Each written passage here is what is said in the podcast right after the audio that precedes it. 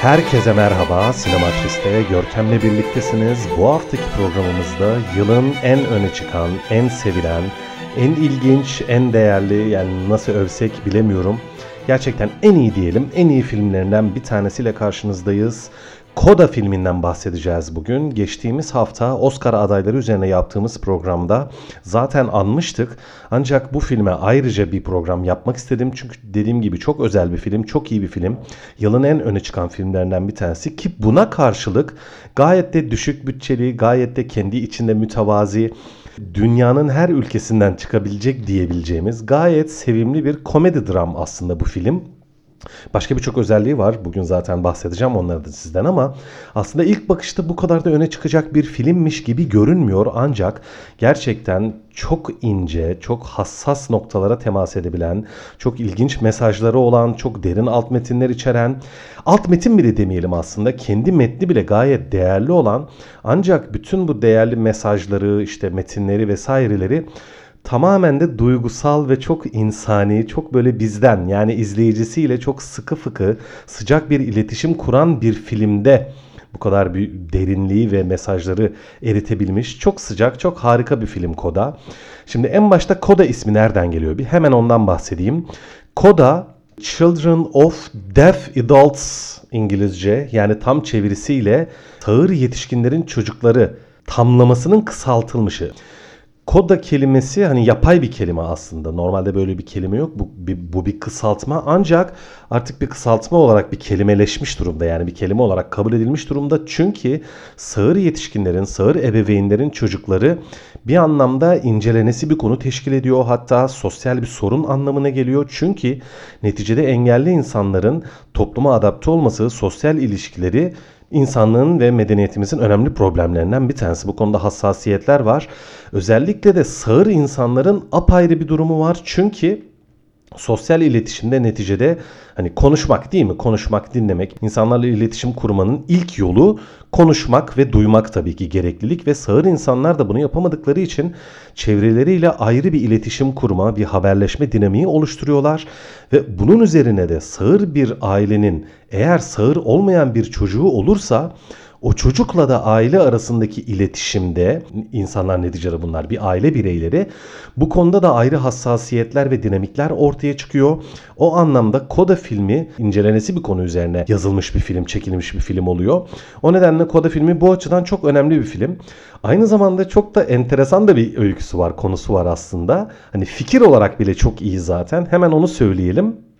Filmde anne, eş ve erkek çocukları 3 bireyin, 3 aile bireyinin sağır olduğu, diğer aile bireyinin ise kızın da sağır olmadığı ve bunun üzerine muhteşem bir sesi olup biz şarkıcı ya da bir ses sanatçısı, bir müzisyen olmak istediği bir filmle karşı karşıyayız. Filmin ana cümlesi, filmin ana fikri zaten çok güzel değil mi? Yani sağır bir ailenin şarkıcı bir kızı. Bu zaten dramatik, zaten düşündürücü, zaten incelemeye hazır bir fikir. Aynı zamanda şunu da söyleyelim. Film 2014 yapımı bir Fransız filminin La Famille Bélier filminin yeniden çevrimi. O filmi izleyemedim. Ne kadar iyi bilmiyorum ya da hangisi daha iyi bilmiyorum ama Koda gerçekten yani muhteşem bir film olmuş. Bir Amerikan kasabasında, bir balıkçı kasabasındayız ve burada Rossi ailesi var yani. Onun kızı da Ruby var, Emilia Jones'un oynadığı. Ve Kızın sesi gerçekten inanılmaz. Bir lise öğrencisi. Çok da sevimli, tatlış bir insan böyle. Bir yandan ailesi de balıkçılıkla geçinen bir aile. Bir yandan ailesiyle birlikte balıkçılık yapıyor. Yani teknede çalışıyor. Bir yandan da tabii işte hem ergenlik sancıları hem neticede o yaştaki hemen her gencin yaşadığı sosyal problemler, kültürel problemler, işte okul, dersler vesaire. Hani zaten bu kızın bir hayatı var ve aynı zamanda çok güzel bir sesi var. İşte okulda hoşlandığı bir çocuk var falan. Gayet hani bilindik bir yapı aslına bakarsanız. Bunun üzerine şöyle bir sıkıntı var. Ruby ailesinin çevresiyle olan tek haberleşme e, kanalı yani onların çevirmeni olmuş durumda.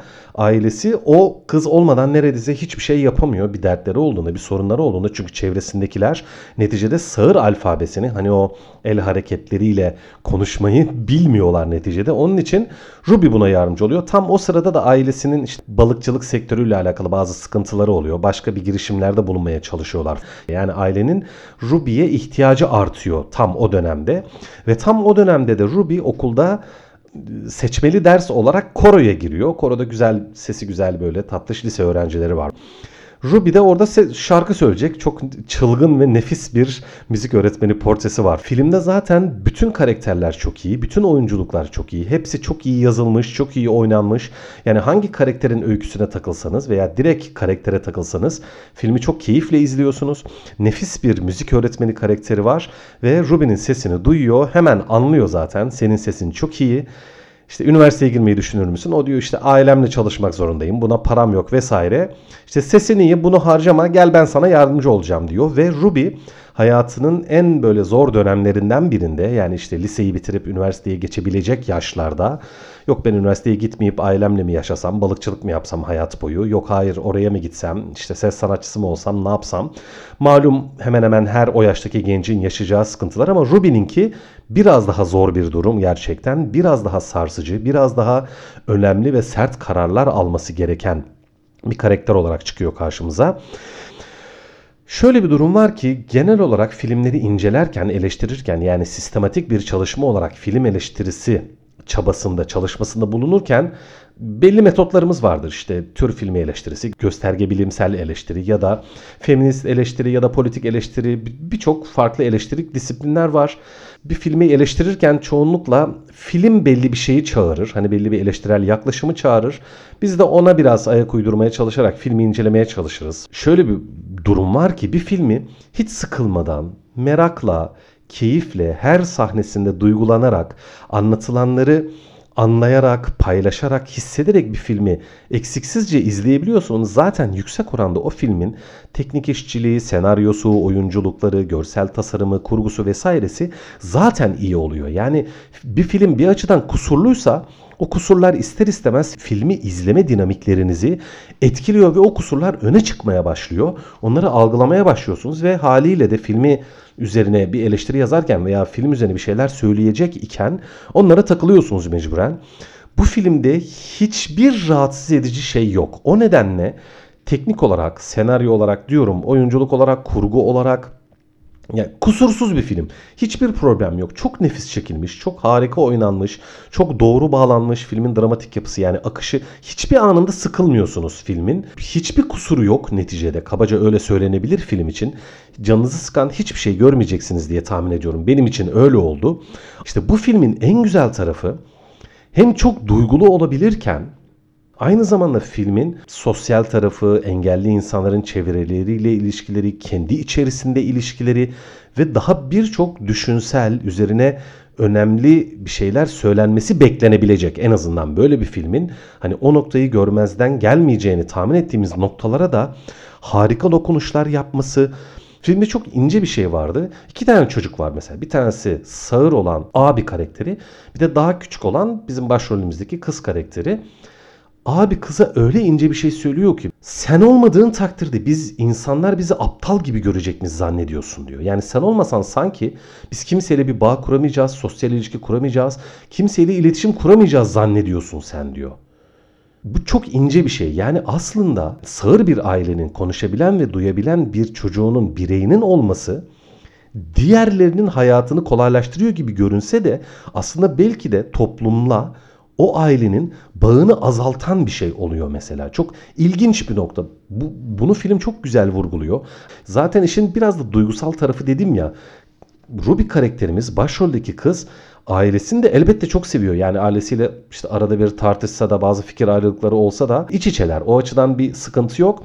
Ancak ailenin annesi çocuğunun yani Ruby'nin doğduğunda hastane ağır olup olmadığı üzerine onu muayene ettiği bir an varmış mesela. Öyle bir anı anlatıyor. Üç bireyi de sağır bir aile. Ailenin son bireyi aileye katılıyor. O bireyin sağır olmasını ister mi istemez mi? Şimdi düşündürücü bir şey. Belki de bencil bir şey. Yani aile açısından bakarsanız bencil bir şey. Tabii ki çocuğun bir engeli olmasın istemeli bir aile değil mi? Elbette.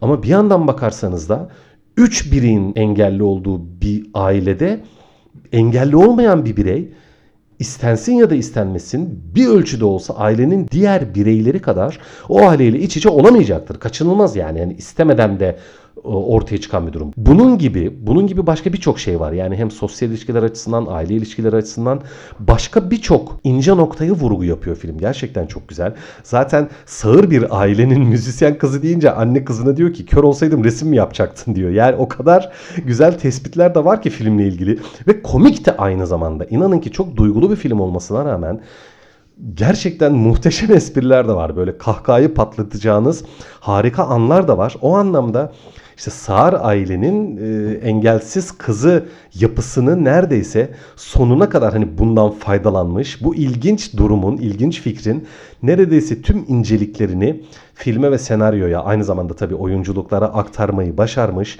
Çok incelikli, çok duygulu, yani gerçekten yani izlemeyenin çok ciddi kayıpta olacağı bir film Koda. Filmin yönetmeni Sian Heber daha önce duyduğumuz bir yönetmen değil. Çok fazla filmi yok ancak nefis bir reji çıkarmış. Çok doğru bir yönetmenlikle karşımıza gelmiş. Ve Amerika'nın hani o kadar büyük ve şehirleşmiş işte kapitalizmin merkezi olan dünyanın en büyük gücü olan ülkenin taşrasında geçen öyküler gerçekten çok farklı bir yapı sunuyorlar bize. Neticede işte Amerikalılar için şey denir ya yani işte Amerika ve dünyanın geri kalanı gibi bir yapı vardır. Amerikalılarda dünyanın öncü ve en büyük gücü olmanın verdiği bir kibir vardır deriz ya hep. İşte Amerika içerisinde de aslında böyle bir durum var. Çünkü Amerika'nın taşrası yani büyük kent yaşantısından gerçekten çok uzaktır. Yani Amerika'da devasa bir şehirden New York'tan, Washington'dan, ne bileyim Chicago'dan 100-150-200 kilometre uzağa gittiğinizdeki yapı, oradaki kasabadaki köydeki yapılar gerçekten bayağı ilkeldir. Çok ciddi işsizlik sorunları vardır orada, kültürel sorunlar vardır. Yani aslında Amerika'nın büyük şehirleri ve büyük şehir insanları dünyaya nasıl yukarıdan bakıyorsa aslında aynı şehir ve aynı insanlar kendi ülkesinin taşrasına da biraz öyle bakarlar. Onun için Amerika'nın taşrasında geçen filmlerin büyük çoğunluğunda bu vurgulanır.